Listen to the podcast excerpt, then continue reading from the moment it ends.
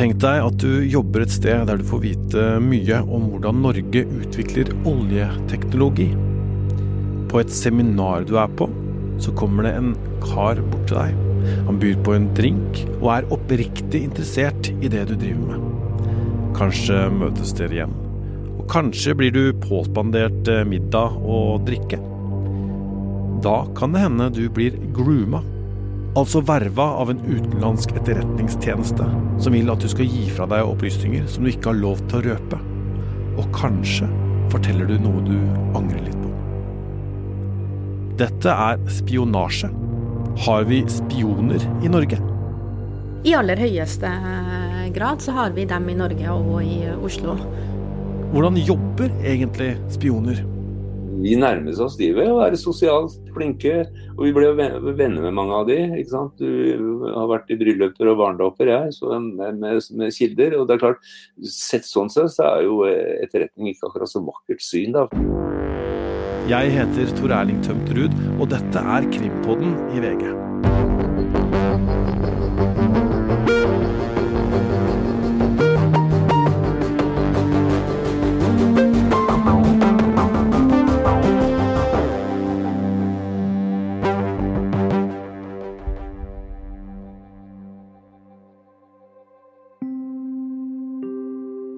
Den 20. januar i 1984 så blei Arne Treholt arrestert. Da var jeg fire år gammel. Og siden det har Treholt-saken vært den store spionsaken her i Norge. Har du ikke sett dokumentaren 'Rikets sikkerhet' på NRK, så er det bare å se den, for den er innmari bra. Og det var den som også fikk oss til å tenke på spioner igjen. Finnes de fortsatt? Arne Treholt jobba altså i Utenriksdepartementet og var en up and coming politiker i Arbeiderpartiet. I 1985 så ble han dømt til 20 års fengsel for spionasje til fordel for Sovjetunionen og Irak. Og så har vi fått vite da at eh, FBI kjørte undercover-operasjon mot Treholt. Det norske overvåkningspolitiet, som det het den gangen, avlytta leiligheten hans og spana på Treholt både i Norge og i utlandet. Annet fra en kassebil som sto parkert i gata. Og så kom det fram at eh, sovjetisk KGB, altså sikkerhetspolitiet, hadde verva Treholt. Det var etterretningsoffiseren Genadij Titov som hadde Treholt som sin kilde. Alt dette blei kjent i rettssaken og i dommen mot Treholt. Men Treholt sjøl mener at han ikke er skyldig i spionasje. Dette kommer også godt fram i den dokumentaren som jeg nevnte. Men det var i hvert fall kald krig, og Sovjetunionen hadde stor interesse av å vite så mye som mulig av Nato-medlemmet Norge. Siden den gang har overvåkningspolitiet, eller POT som det het, skifta navn til Politiets sikkerhetstjeneste, PST. Og Sovjetunionen har blitt Russland. Den kalde krigen er over, eller har den blussa opp igjen? Eller i hvert fall blitt litt varmere, nå som Russland har invadert Ukraina?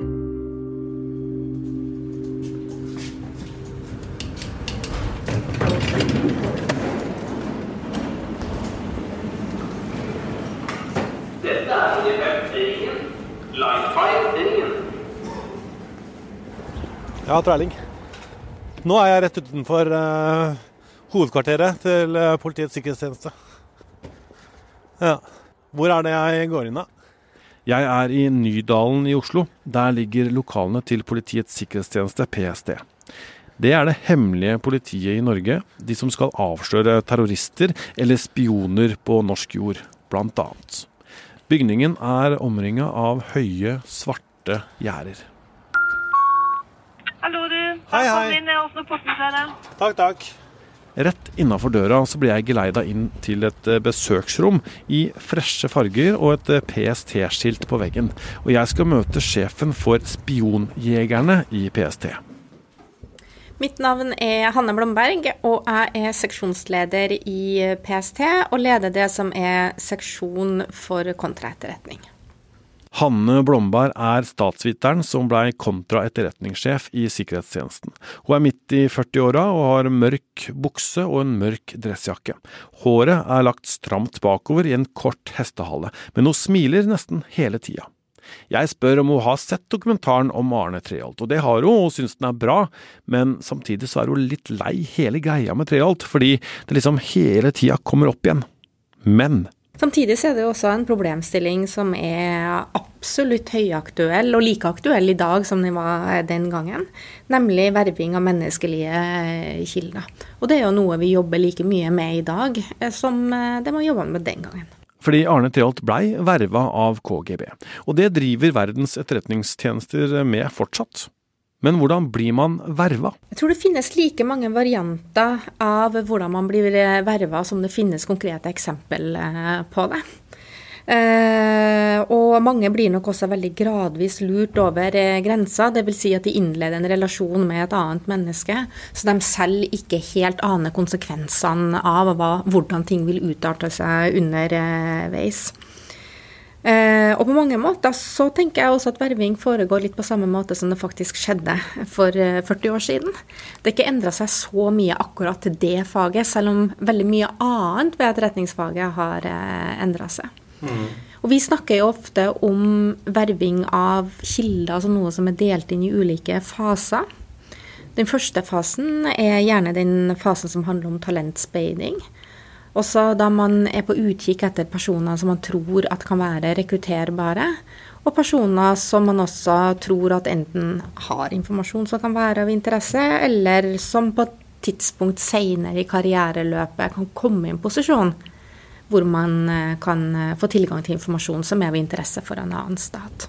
Hvordan finner man eh, disse talentene, da? Denne talentspeidinga, som vi kaller det for, den foregår på veldig mange ulike steder. I den fysiske verden så skjer den typisk på ulike konferanser, på seminarer, der mange mennesker samler seg som har en interesse for ting, eller som sitter med kunnskap om ulike forhold. Eh, og da er man gjerne ute og, og, og, titter litt og ser hvem det er som er der, og hvem man kommer i kontakt med. Og noe av den kontakten er jo også veldig tilfeldig. Eh, og så skjer den også digitalt. Mm. Ved at man følger med på interessante personer på, på nettet, på Facebook, eh, ja, ulike steder, og, og leter opp personer som man tror kan være av interesse der. Eh, det andre er en form for en kontakteringsfase, der man faktisk blir fysisk forsøkt kontaktert av noen som har uærlige hensikter. Kontaktert er det samme som blir kontakta? Blir kontakta. Mm. Eh, av en eh, etterretningsoffiser som ikke strekker ut hånda og sier at hei, jeg er en etterretningsoffiser, kan du gi meg litt informasjon? Men som har en annen form for en dekkhistorie på hvorfor vedkommende er i, er i Norge, og forsøker å komme i, i kontakt med, med vedkommende. Mm. Og den aktiviteten er det som vi har eh, beskrevet, bl.a. som foregår på seminarer og eh, ja, en del andre steder hvor mye mennesker samler seg. Eh, og, der kan det bare være en helt hyggelig og tilforlatelig liten samtale som skjer. Og så blir man gjerne spurt man kan møtes på nytt igjen. Eh, og da blir man ofte forsøkt dytta over i et spor hvor man bare møtes to. Altså de to personene sammen uten noen andre til, til stede. Hvor møtes man da? Kan man møtes på en kafé eller i en park eller helt tilforlatelig sted. Det trenger ikke å være noe ved den relasjonen på det tidspunktet som, eh, som trenger at det skal medføre at det ringer noen bjeller der. Men ofte så kan man allerede da virke litt underlig. Det kan virke litt uklart hva det er vedkommende egentlig er, er ute etter. Eh, og da man, eh, blir man ofte gradvis, eh, noen ganger veldig kjapt, noen ganger så tar det veldig veldig lang tid, gradvis dytta over og inn i et spor hvor man da har denne tomannskontakten. Kanskje begynner man å få litt gaver, får en liten gratulasjonshilsen når man har bursdag. Man blir vant til en form for en relasjon hvor man får noe av den personen som man møtes. Og gradvis så blir man også forsøkt dytta over et spor hvor man gir noe til en annen person i et form for et bytteforhold. Og da er det noen bjeller som bør begynne å ringe hos, uh, hos folk. Er det andre eksempler du har fra, fra Norge hvor dette har skjedd? Eh, ja, det er det. Men jeg har ikke tenkt å fortelle deg om dem. For det er sånn som er hemmelig? Det er sånn som vil være hemmelig. Men det er et eksempel som er ganske ferskt, faktisk. Den første spionsaken siden Treholt-saken. Hasharn Singh Tatkar er norsk og i 50-åra. Han er sikta for å ha gitt informasjon mot betaling. Tatkar er opprinnelig fra India, men kom hit på 90-tallet. De siste åra har han jobba for eh, DNV GL, det som tidligere het Det Norske Veritas. Der de driver med sertifisering innafor olje- og gassproduksjon og andre teknologibransjer. Ifølge VGs opplysninger er det så langt kartlagt at Tatkar har mottatt flere titalls tusen kroner i kontanter. Han skal ha fått penger ved flere anledninger, og beløpene skal ha variert fra gang til gang. Ifølge en fengslingskjennelse så forklarte Tatkar at han hadde overlevert informasjon og mottatt penger. Han erkjente derimot ikke at informasjonen var egnet til å skade nasjonale interesser, og han nekter derfor straffskyld for grovt brudd på spionparagrafen. Politiet driver og avgjør i disse dager om denne mannen skal tiltales og føres for retten, eller ikke. Verken politiet eller mannens forsvarer ønsker å kommentere saken i Krimpoden nå. Men hvem er det han skal ha gitt informasjon til? Jo, en russer. En såkalt handelsrepresentant. En diplomat som nå ikke lenger er i Norge. Og Russland har jo som kjent invadert Ukraina, og nå i april så blei tre russiske diplomater utvist fra Norge. Og onsdag denne uken så utviste Russland tre norske diplomater. Spionerer russere her? Tilbake til dette med verving. Du har altså blitt eh, kontakta, du har fått masse oppmerksomhet, og så kommer du til et punkt, eller en kneik som du må over, og så har du blitt et verktøy for utenlandske spioner. Jeg tror det er vanskelig å, å, beskrive den kneika som noe som er liksom felles for de alle. Fordi jeg tror oppriktig at hver enkelt tilfelle er spesielt i seg sjøl og har noe ved seg som er særegent enn andre. Men ofte så er det jo av motiv da, som nevnes i den type rekruttering, så er det ofte tre ting som nevnes, og det er da enten penger, press eller ideologi. Eh, det er ofte tre forhold som blir nevnt. Og jeg vil i hvert fall legge til et eh, fjerde, og det tror jeg at eh, gjelder litt behovet for å få et ego litt played. Det tror jeg vil være felles for mange av de gjennomførte rekrutteringsforsøkene som man, som man ser. Men så er det også sånn at eh, prosessene er langt mer komplekse enn at det bare er disse tre eller fire motivene som, eh, som ligger der. Eh, og for veldig mange av den type relasjoner så tror jeg at det starter uten at man egentlig har tenkt eller hadde noe motiv i det hele tatt, og så kommer kanskje ønsket eller motivet litt under, eh, underveis. Og hvis du har tatt imot eh, en eh, fin middag eller kanskje noen gaver, så så er det liksom point of no return et eller annet sted, da? Ikke nødvendigvis bare hvis du får en middag, men hvis det har eh, foregått en utveksling der, i den form at man har levert fra seg noe som er ulovlig å levere fra seg, da begynner ting å bli langt mer eh, vanskelig. Og i de eksemplene som ja, I flere av de eksemplene som, som jeg er kjent med, så groomes man jo, dyttes man jo gjerne gradvis inn i den relasjonen også. Så det er ikke sånn at man starter nødvendigvis med å gi fra seg noe som er hemmelig eller sensitiv eller så. Det skjer ofte lenger nede i veien av relasjonen.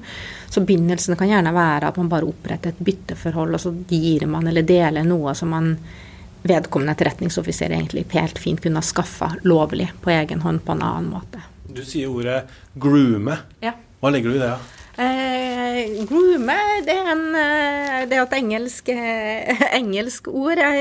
Det er en, en, form for en pleiing av relasjoner, rett og slett. Eh, at du gradvis blir litt forma inn i denne bytteaktiviteten og inn i relasjonen med, med vedkommende. Blomberg er altså sjefen for kontraetterretning, eller kontraspionasje, i PST. De skal avsløre dem som spionerer på norsk jord. Det er den militære etterretningen som spionerer i utlandet for Norge. Akkurat som i USA, der er det FBI som jakter spioner i USA, og CIA som spionerer i utlandet. I Storbritannia så heter det MI5 innenriks og MI6 utenriks. Det er der James Bond jobber. Men hva gjør Norge da, for å skaffe seg folk som røper hemmeligheter? Opererer vi på samme måte? Jeg heter Ola Kaldager og har et langt liv i uh, Forsvaret helt siden jeg gikk befalsskolen i 1966. Aldri jaget spioner, men uh, godt kalle meg spion, da. Jo, man kaller seg jo for etterretningsoffiser når man er på den riktige siden, og så er det spioner på den andre. 75 år gamle Ola Kallager er mest kjent for å ha etablert og vært leder for tjenesten E14, eller Seksjon for spesiell innhenting, som de også blei kalt. E14 var en etterretningsgruppe som mellom 1995 og 2005 opererte på egen hånd, atskilt fra den vanlige etterretningstjenesten.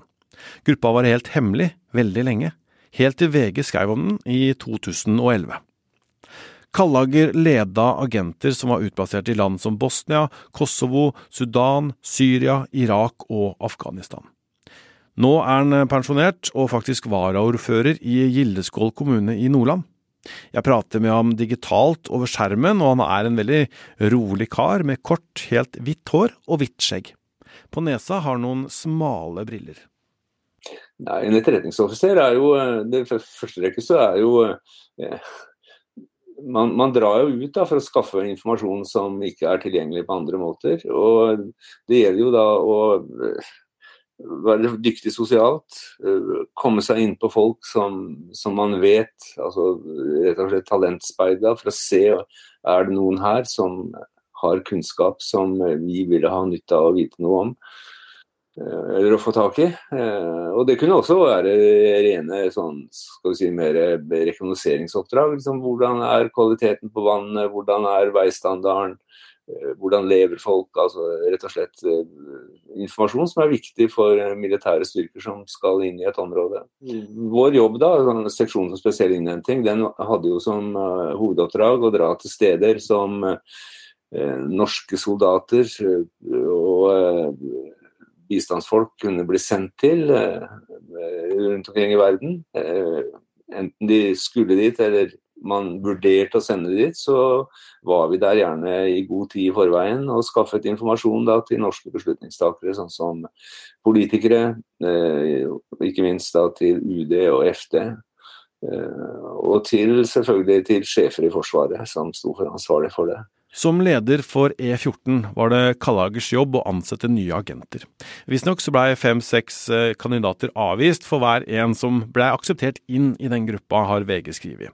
Det å være spion i et annet land, med få muligheter til å få hjelp hvis noe går gærent, det krever mennesker med helt unike ferdigheter på mange områder. Det var jo kanskje første kriteriet for å velge ut folk til å gjøre dette her det var jo at de var flinke sosialt. altså At de, at de eh, det gikk jo sånne rykter om E14 at folk fikk ti kroner og skulle dra til Trondheim og sånn. Og det, det er også sånn at, at, det er en sånn egenskap da, å snu seg rundt og finne løsninger, ikke sant. Eh, når man mangler kanskje ressurser. Det er altså at man blir utstyrt med ti kroner, og så kommer deg til Trondheim innen en viss eh, tid? Ja. Ses i morgen i Trondheim. Ja, og da må du snakke deg fram, da? Ja, snakke deg frem, eller snike på toget, eller uh, greie å grafse seg inn med en trailersjåfør, eller et eller annet sånt noe. Men bare liksom evnen til å være så flink sosialt at man liksom greier det der, det er viktig, da. Viktig egenskap ved folk som driver, altså etterretningsoperatører. Hva kjennetegner en god etterretningsoffiser? Vi hadde alle typer, alt fra snekkere til politifolk til uh, akademikere. Så fant jeg vel ut etter hvert at det var en, en ganske god kombinasjon, fordi at ofte så jobbet disse folkene eh, to og to sammen. Og da en akademiker og en kanskje eh, mer sånn håndverker med, med, gjerne litt bakgrunn i spesialkommandoene, det var en ideell kombinasjon. Altså. Eh, de gjorde det godt sammen. Eh, en praktiker og en som kunne ta seg av volden hvis det var nødvendig, og en som kanskje hadde et større bilde, eller syn for det bildet som møtte de. Som, som, som liksom så sammenhenger og sånn, ut fra et mer sånn akademisk synspunkt. Mm. Eh, du har sikkert eh, hørt dette mange ganger, og syns nok det er sikkert litt eh, tøysete også, men den sammenligninga med, med, James Bond den er liten, for å si det sånn. Det er, altså Etterretning er hardt arbeide. Og det er, for å si det sånn, i det øyeblikket det kommer til vold, så har hun som regel gjort noen feil. altså. Selv om, selv om det voldsnivået som, som ble etter hvert, eh, hvis du skulle være sivil og liksom forsvinne inn i, inn i et land sånn på egen hånd, så, så, er det ingen tvil om at, at selv om vi også var væpna, og, og, hadde våpen, så, så, så, var liksom ikke Det var ikke noe issue, da. Altså, det var jo nøds, i nødsfall man skulle bruke det. det. det. er jo kanskje det nærmeste du kommer James Bond. Ellers så er jo en sånn, en, en sånn ensom eh, agent som løser alle problemer. Det er det ikke. Dette er nitidig arbeid, og ikke minst så er det det at, at etterretningstjeneste på mange måter, det forutsetter at du har en organisasjon i ryggen.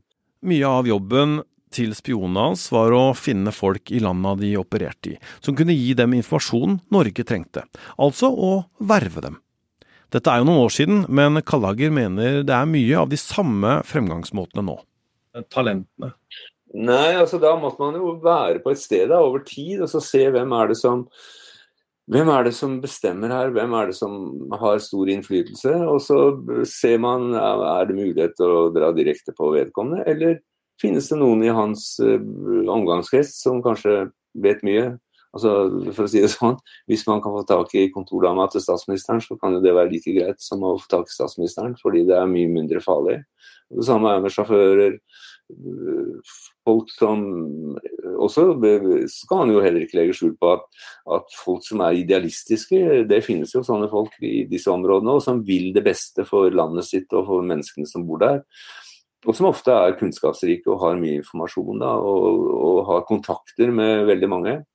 Og de er jo viktige å få tak i da, og snakke med. Hvordan nærma du deg dem, da? Nei, altså vi nærmer oss de ved å være sosialt flinke. Og vi ble venner med mange av de. ikke sant? Du har vært i brylluper og barnedåper, jeg, så med, med, med, kilder. Og det er klart, sett sånn sett, så er jo etterretning ikke akkurat så vakkert syn, da. fordi at de folkene visste jo ikke hva vi var. Iallfall ikke i første omgang. Og så er det jo sånn at uh, dette er jo et uh, gammelt yrke, sånn at uh, på et eller annet tidspunkt så skjønner jo folk at det er sånn, men så skjønner de også at de har gått over streken og gitt deg informasjon som de selvfølgelig ikke burde gitt. og Da har du liksom litt taket på de, da, for å si det mildt. Hvordan er det å på en måte få tillit hos folk, og så veit du at eh, den tilliten bruker du? Ja, det, det er jo det er et viktig spørsmål, fordi eh, alle har jo en slags iboende brems, da, ikke sant. Altså hvor langt skal jeg trekke den og sånn. Og det må den enkelte avgjøre selv. Det var aldri noe sånn Det er klart at man ble jo kanskje når man så at man begynte å nærme seg virkelig store ting, så, så, så var det sikkert et visst press på operatørene. Men, men den enkelte operatøren, når det gjaldt i forholdet sånn mellommenneskelig, så, så, avgjorde jo de det selv. Altså. Det gjorde de i aller høyeste grad. Men, men eh,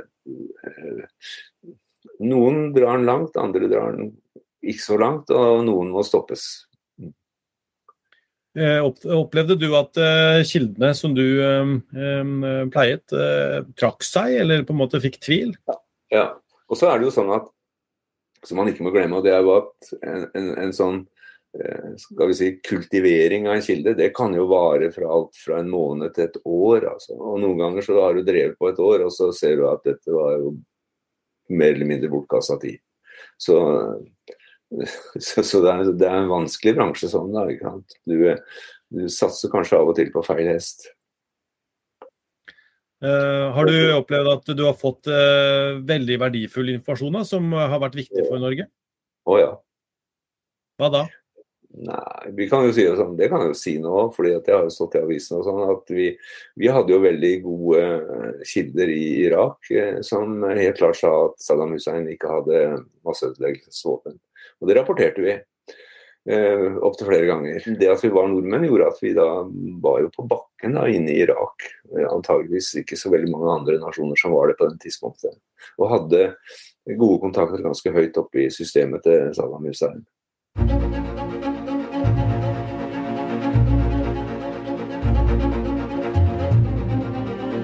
Kallagers gruppe E14 var aktive i ti år omkring tusenårsskiftet. Og i løpet av de åra blei det å være spion for Norge farligere enn det det hadde vært før. Det skjedde jo også noe i den tiden der, da. At det var jo ikke For å si det sånn, det begynte vel kanskje litt i Libanon med at plutselig så befant man seg i et område hvor det ikke bare var to parter, men liksom det var flere. Og de, noen av disse partene hadde jo ikke noe regjering eller noe land eller var knytta opp mot, mot, mot, et uh, system. Uh, de var jo enten da kalt seg vel ofte frigjøringsbevegelser eller uh, og hadde enten et religiøst eller politisk motiv da, for å gripe til våpen og lage håper sagt, ta seg til rette i områder. Og, og, det å komme seg inn på de, det var jo noe nytt, da, fordi at man visste jo at disse har jo ikke noe De arresterer ikke folk og bringer de for retten, som, som var mer tradisjonelt med spioner. Her var man eh, på mange måter eh, sin egen lykkes smed. Altså. Fordi hvis man ble tatt så, så, og, og, ble oppdaget at man drev eh, den type virksomhet, så lå man veldig dårlig an. Hvordan merker man sjøl at man blir utsatt for talentspeiding? Ja, det er vanskelig, det. Eh, å oppdage hvis det er en dyktig og sosialt flink etterretningsoffiser, så er det ja, Det er jo sånn ofte da at, at man lager spioner, sånn som Treholt og sånt. At man, man, eh, er forfengelig og vil gjerne være viktig person og ha stor eh, verdi. ikke sant? Og så, og så, og så går man over en slags rød strek, og så er det ikke noe vei tilbake. Da har man liksom taket på dem. Og det, det skjer. Og det har skjedd. Det kommer til å skje igjen. Og så er det jo disse gamle triksene da med å sette folk i forlegenhet eller i en eh, vanskelig situasjon ved bruk av eh, vakre kvinner, eh, kanskje litt overdreven bruk av alkohol, penger, som gjør at folk da biter på og tror at dette skal gå bra, og så gjør ikke det da ofte.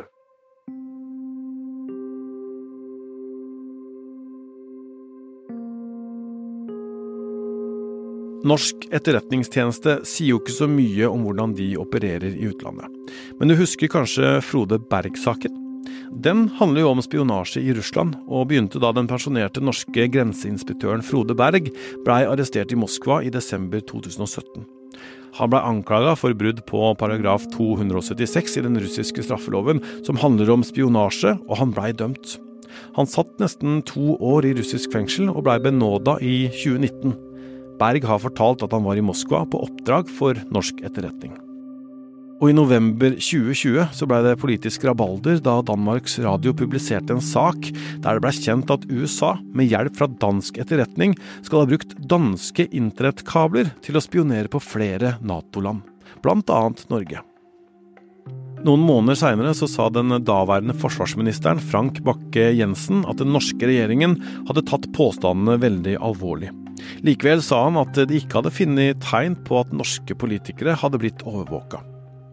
En annen litt eh, oppsiktsvekkende sak var da varsleren Edward Snowden, som jobba i USAs National Security Agency, eller NSA, mente at amerikansk etterretning skulle ha avlytta mobiltelefonen til daværende forbudskansler i Tyskland, Angela Merkel.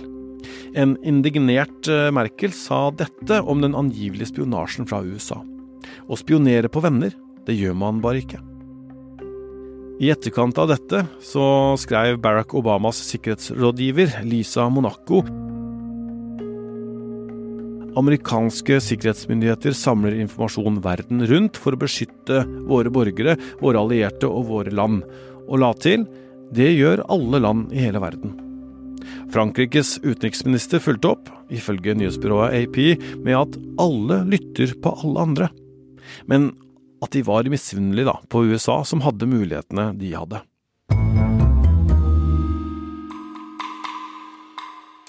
Vi har vært inne på det, men er det flere som spionerer i Norge?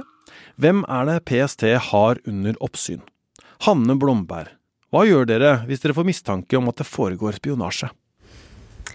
Akkurat den delen pleier jo ikke vi å snakke så veldig mye eh, om. Men hvis vi blir kjent med relasjoner eller forhold eh, som er f.eks. med en russisk etterretningsoffiser, så har jo vi et forebyggende ansvar i å forsøke å forhindre at det faktisk eh, skjer. En russisk etterretningsoffiser?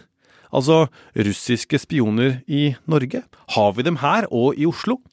I aller høyeste grad så har vi dem i Norge og i Oslo. Og en betydelig andel av de ansatte som jobber på den russiske ambassaden i Oslo, er i realiteten russiske etterretningsoffiserer. Hvordan opererer dem i Norge, da? De kan operere på veldig mange ulike måter. De har jo på akkurat samme måte som vi som en hemmelig tjeneste som skal beskytte Norge mot den aktiviteten, så har jo også de et sett av ulike metoder og aktiviteter som de bedriver for å drive sin ulovlige aktivitet eh, i Norge.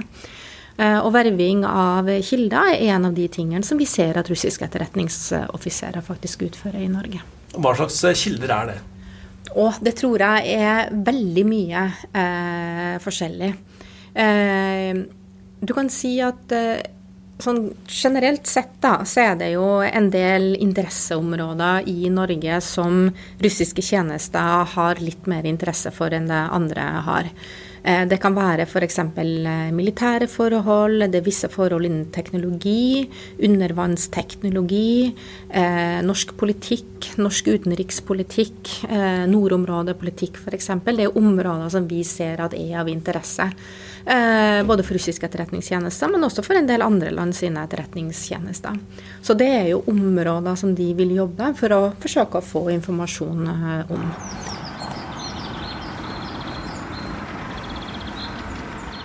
Så her er den uh, russiske ambassaden, ja.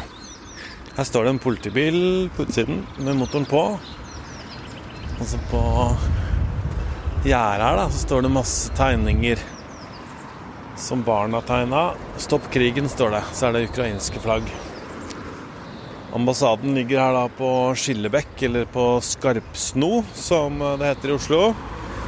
Vest, på vestkanten.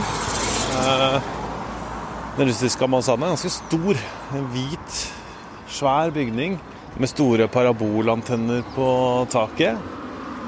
Og det russiske flagget vaier da på en eh, flaggstang foran bygningen her. Det er eh, videokameraer på alle porter. Men det ser ikke ut som det er noe sted å på en måte ringe på og komme inn. Jeg får eh, prøve å ringe isteden.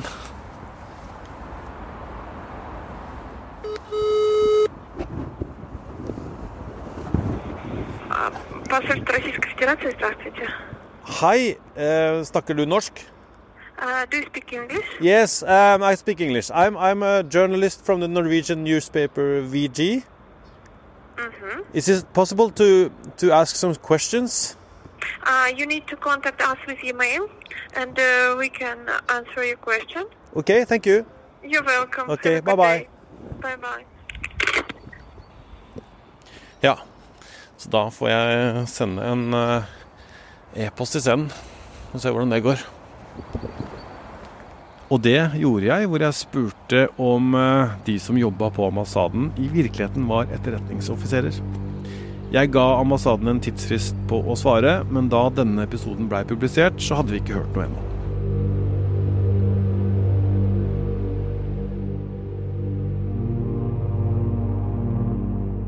Denne episoden er laga av Håkon Fostvold Høydal, produsent Vilde Våren, og meg, Tor Erling Tømt Ruud. Hvis du vil lese mer om den hemmelige spiongruppa som Ola Kallager var leder for, så er det bare å google E14 og VG. Vi høres igjen neste uke, og er det noe du vil si til oss, så er det bare å maile på krimpodden at vg.no.